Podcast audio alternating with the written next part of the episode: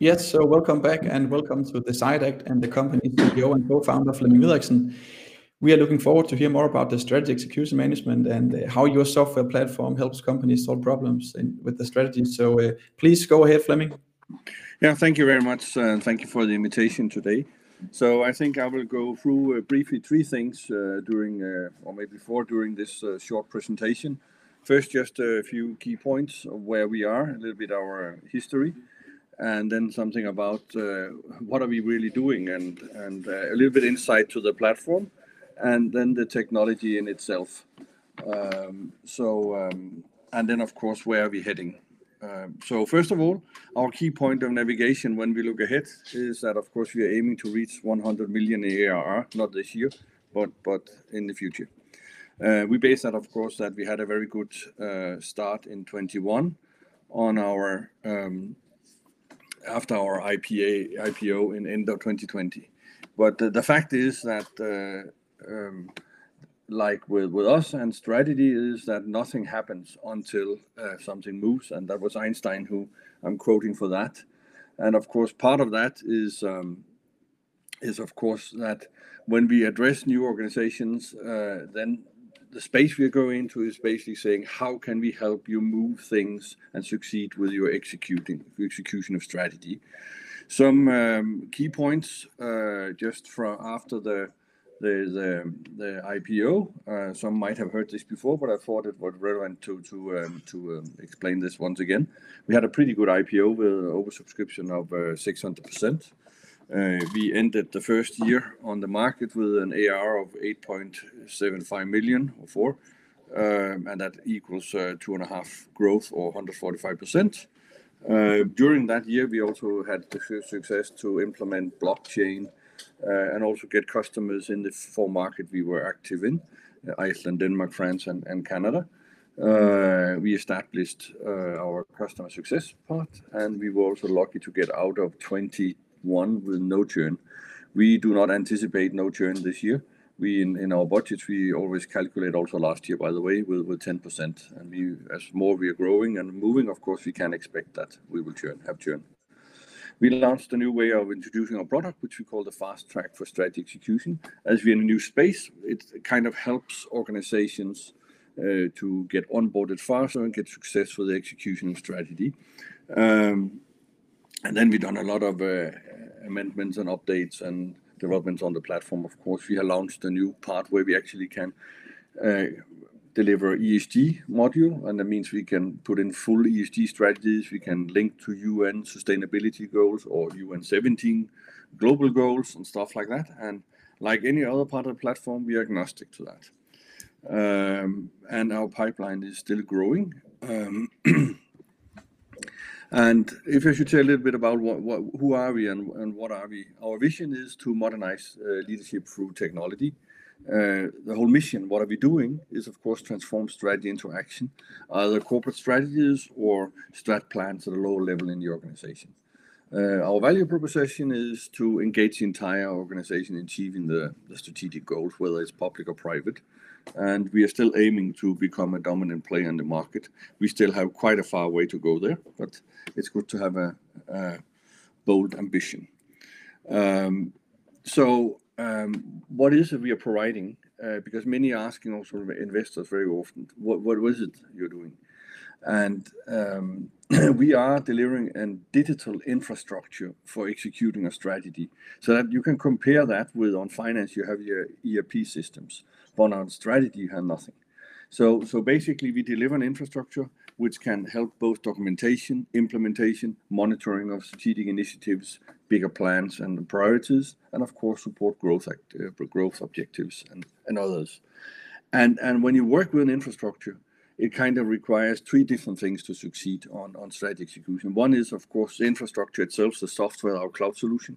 The other part would be leadership and culture. And the third part would be to set up a pretty rigid strategic governance, like you have on your finances, routines, and stuff like that.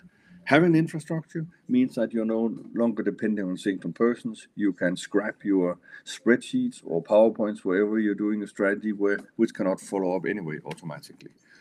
Um, and uh, as you know, or some of you will know that that we also working with machine learning turning into AI later, is of course we want to become a GPS for executing a strategy.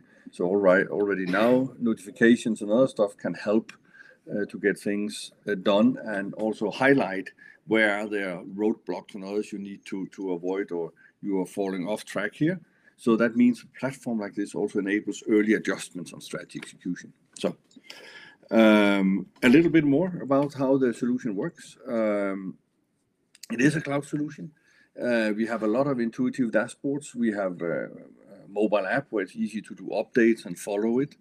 Um, and uh, one of our differentiators also in the market, uh, can of course also sometimes be a complication, is that we are agnostic to strategic frameworks. So we don't force any company to work after a certain methodology. We basically adapt to the way the company likes to work, help them to set up the logic of their strategy, and put it into the platform. So they get a strategic hierarchy, and they will also have be predefined together And what can you connect and what can you not connect. Um, and that is especially an issue for big organizations because when they want to streamline, they want to streamline, and they don't want to change the way they do it just because they get in a system. Then we can work uh, on multiple platforms, of course, as I mentioned before, and it's pretty easy to get started. We have very good customer success, and we always help them to get well started. In addition to that, we actually also sell expertise service if they need more knowledge to be successful in this space. Uh, I mean, it's a SaaS solution, so it's it's easy to work with. Of course, it can be be deployed on premise eh, or the data can be hosted by the client itself if they want to. Um, but we basically offer the same overview of your strategy as we do over your finances.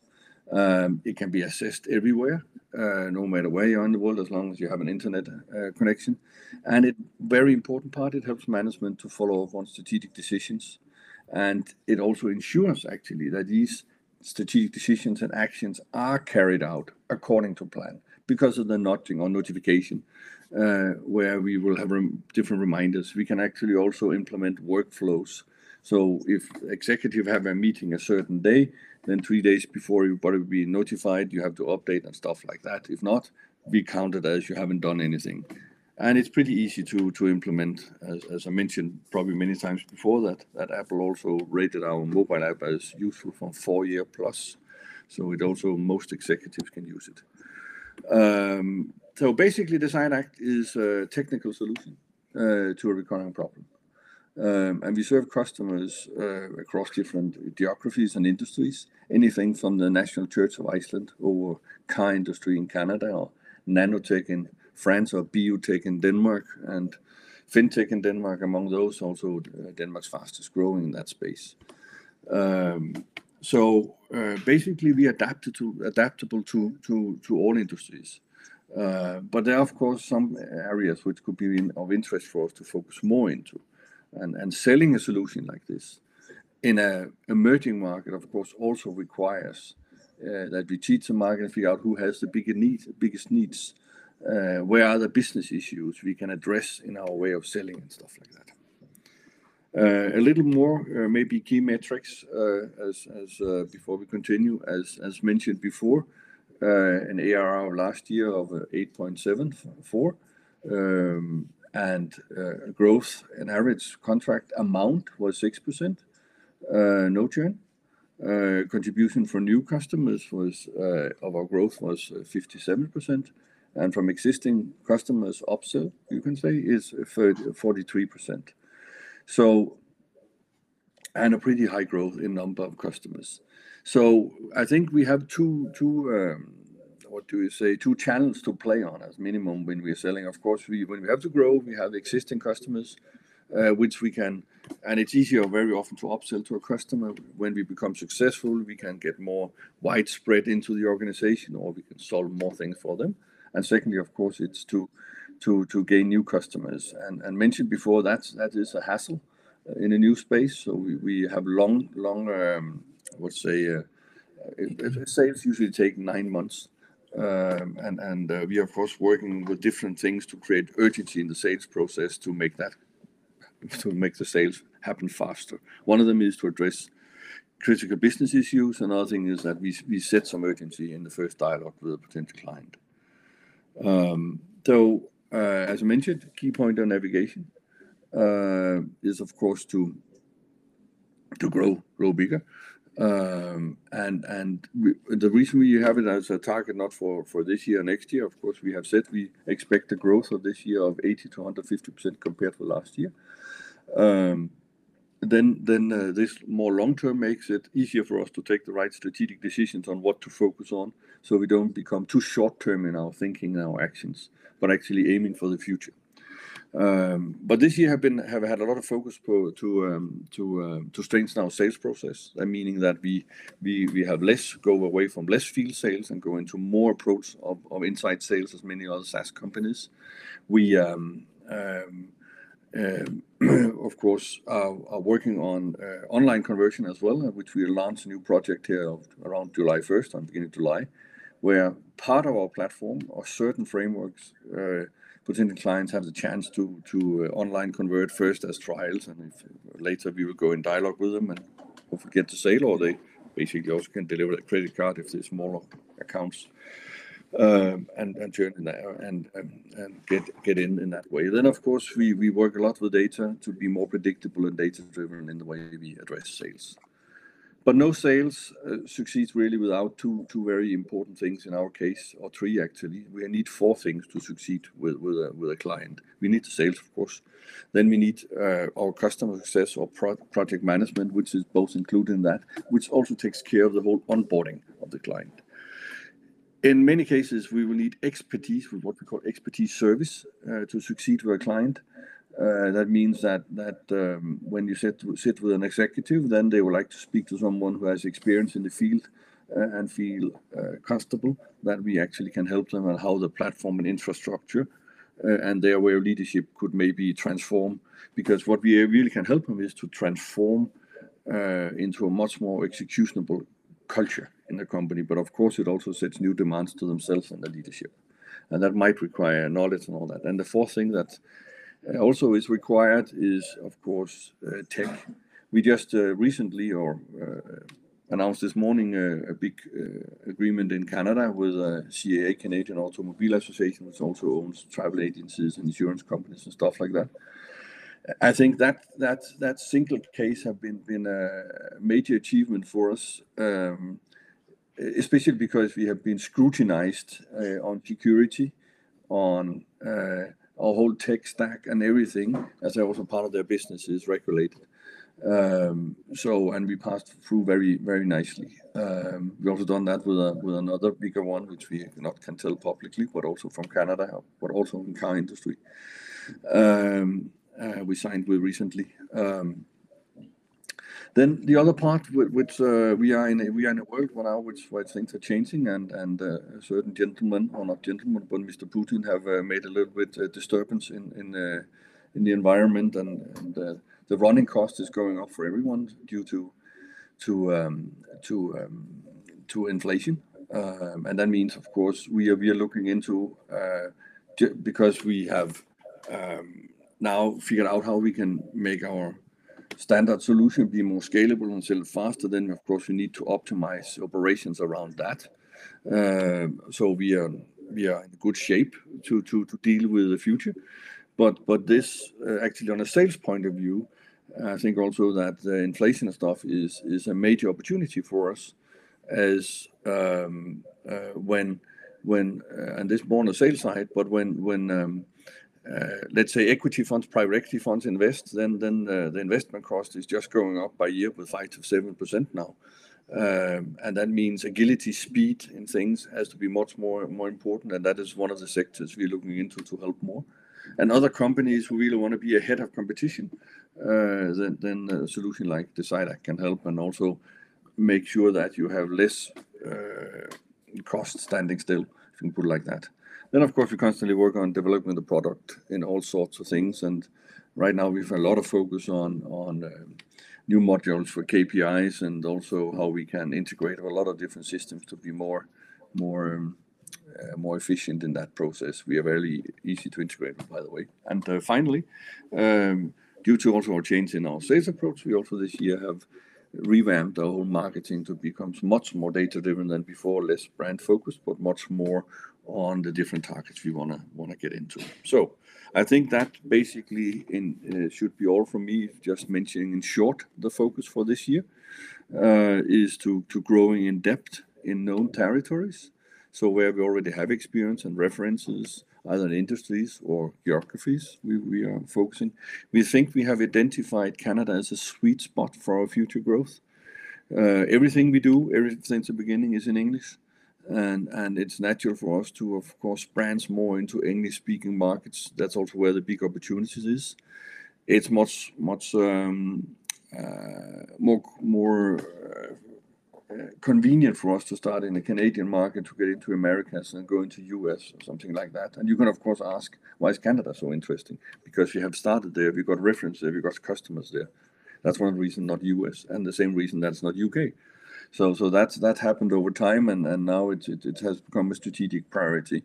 Um, and and another one we focus a lot on is actually the public sector in Denmark. We we can do a lot for public sector, of course, in any country, uh, but we we want to have a foothold there. Uh, also in Denmark, we have it in Iceland, uh, both both on on national level and and municipalities. Also, the agenda is relevant here. Um, and as mentioned before, we will target private equity this year.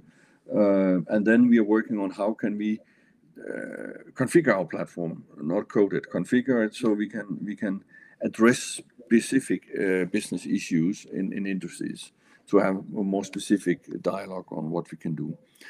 Uh, we are still uh, cautious about partner strategy because uh, we have not found the right way to do that yet, so we are still testing on that.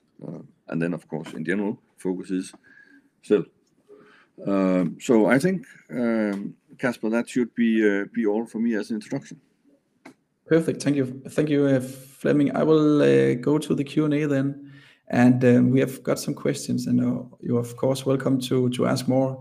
Um, but uh, let's start with with this one. So you mentioned this before, Flemming, and uh, there are talks about companies scaling back also on software investment. Um, how do your strategy tools rate on a scale from a nice to have to a need to have? And do you see... You mentioned also this, but can you elaborate on, do you see some companies use it to cost-cutting strategies? So this might be a kind of solution to to fix some problems that that there are right now. Yeah. Um, I think it's very efficient tool to do what I would call recovery management, which we also wrote a guide about, by the way, when in the beginning of COVID. Uh, actually, yesterday, I had a meeting with um, with um, uh, a French lady sitting a lot of different boards, uh, and and she pointed out in where we are right now, you you are probably in a very good space for all the companies who will have to go into some kind of restructuring and all that, to be a tool to do that mm. very efficient, stuff like that. And we believe that ourselves as well. Um, so yes, uh, use it for cost cutting. I would say it's not a cost-cutting tool. It's It's a tool to optimize how you can succeed with your plans. You know that three out of four strategies fail or do not fully get implemented. So just imagine if you invest 10 million or 100 million, then you know that 75 of them are under risk. So if you can manage the execution much better, of course, there's a bigger likelihood of you succeeding. Uh, if you're coming out of crisis or have to reorganize or cost cut, then it's of course not because you want to cut cost, it's because you want to focus on how you can succeed in a more optimal way, and we can support that. Yeah. And uh, you are also one of the, or among uh, the the highest growing companies listed in Denmark. And uh, there's a question here: Are you expected to continue with an aggressive growth strategy, and how do you evaluate your growth investments? Um, I think we we are becoming better and better. I'm not sure what what the person means with evaluating our growth investments, but if it's the approach we have to to grow, uh, then I think we are becoming better and better ourselves Uh, to learn from our mistakes and act faster to do changes than we maybe done in the beginning, where you say, "Okay, we need to see if this works. Hmm. Uh, but but I think we, we uh, due to both our experience now and also the due to the situation in general, or what we could expect from the market, we we are faster to adjust on that. Um, we want still to grow grow in the way we have been growing. I'm not saying we're gonna grow 2.5 times every year. That, that That's a lot, but I would like to. I think we need continuously to. to We have figured out how we can grow, so I think we continuously need to invest in in growing. So uh, the next question could be, so when do you go break even? We have not told the market that. Mm. You could imagine when we start maybe to earn more money, which maybe can happen within a year or so, then then we we will we will plan to of course reinvest uh, the profit in growth. Uh, and uh, so that's obvious. And bigger, yeah. Yeah. Cool. Um, so, talking about investing in growth and maybe also capital need or at least you need a cash position to invest in the growth and also in terms of speaking about the break even, you said there's a question out here coming from a small shareholder.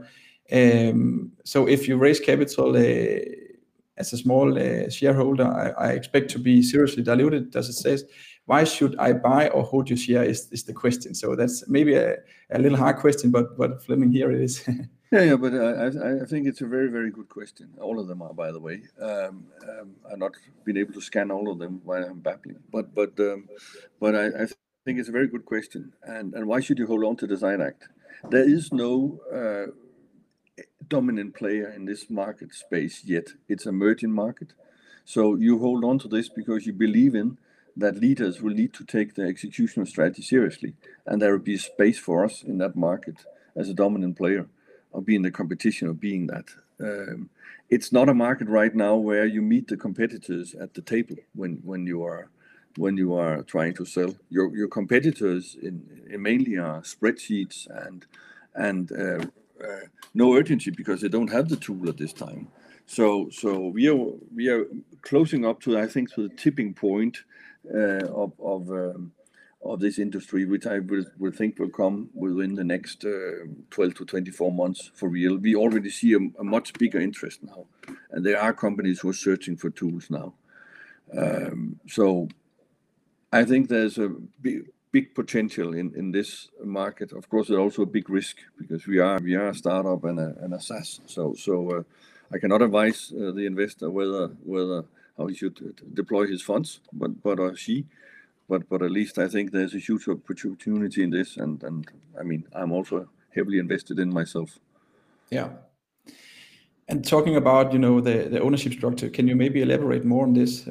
As you said, you are one of the main or largest shareholders, but but can you talk about anyone else in the company being a larger um, shareholder?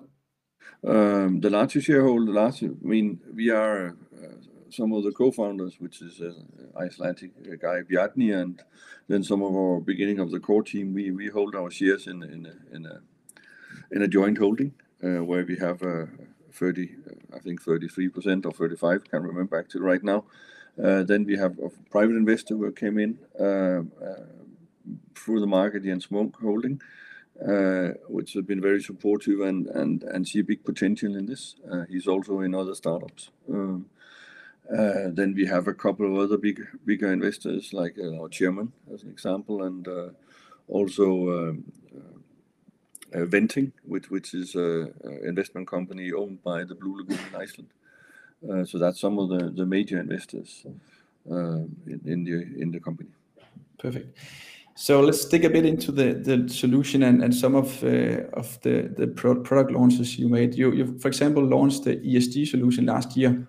Um, do you see any traction? And maybe can can you elaborate on how this fits into the strategic uh, framework uh, for companies? Yeah. Very simple. Um, yes, we have got some traction. Um, we have a traction on it in Iceland, where we have launched it first. Now we are working in in Denmark to get into both private companies and and um, um, and the public sector. Uh, we were working together in Denmark also with a with a company helping us into the public sector called Influenter, which is very well connected there. And we have different approaches to that. Uh, it seems like like um, those who are very interested in this is is actually uh, where there is an opportunity is probably in France. The government here have decided that a lot of companies need to have plans on this and all that, but they have no tools. So so we are considering, is that an is that an opening for us or is it a hassle? Uh, um, um, I forgot the rest of the question. Please repeat. No, but maybe you can you can tell us about, is it upselling potential for you eh, eh, in the strategic environment or a solution, sorry, or eh, is it like you buy the whole stuff from the beginning in the solution when when the companies are buying it? Okay.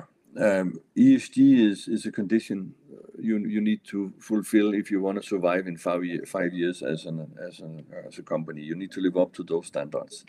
So so um, so the condition to to exist. Um, and and it's it's uh, with an ESG strategy, it's like you can say, which was called CSR in the old days, mm-hmm. and many organizations were maybe more greenwashing at that time. They had a department that have something, but now now it's demand for from Um, uh, customers that you actually are sufficient, you are doing a good effort in this and all that.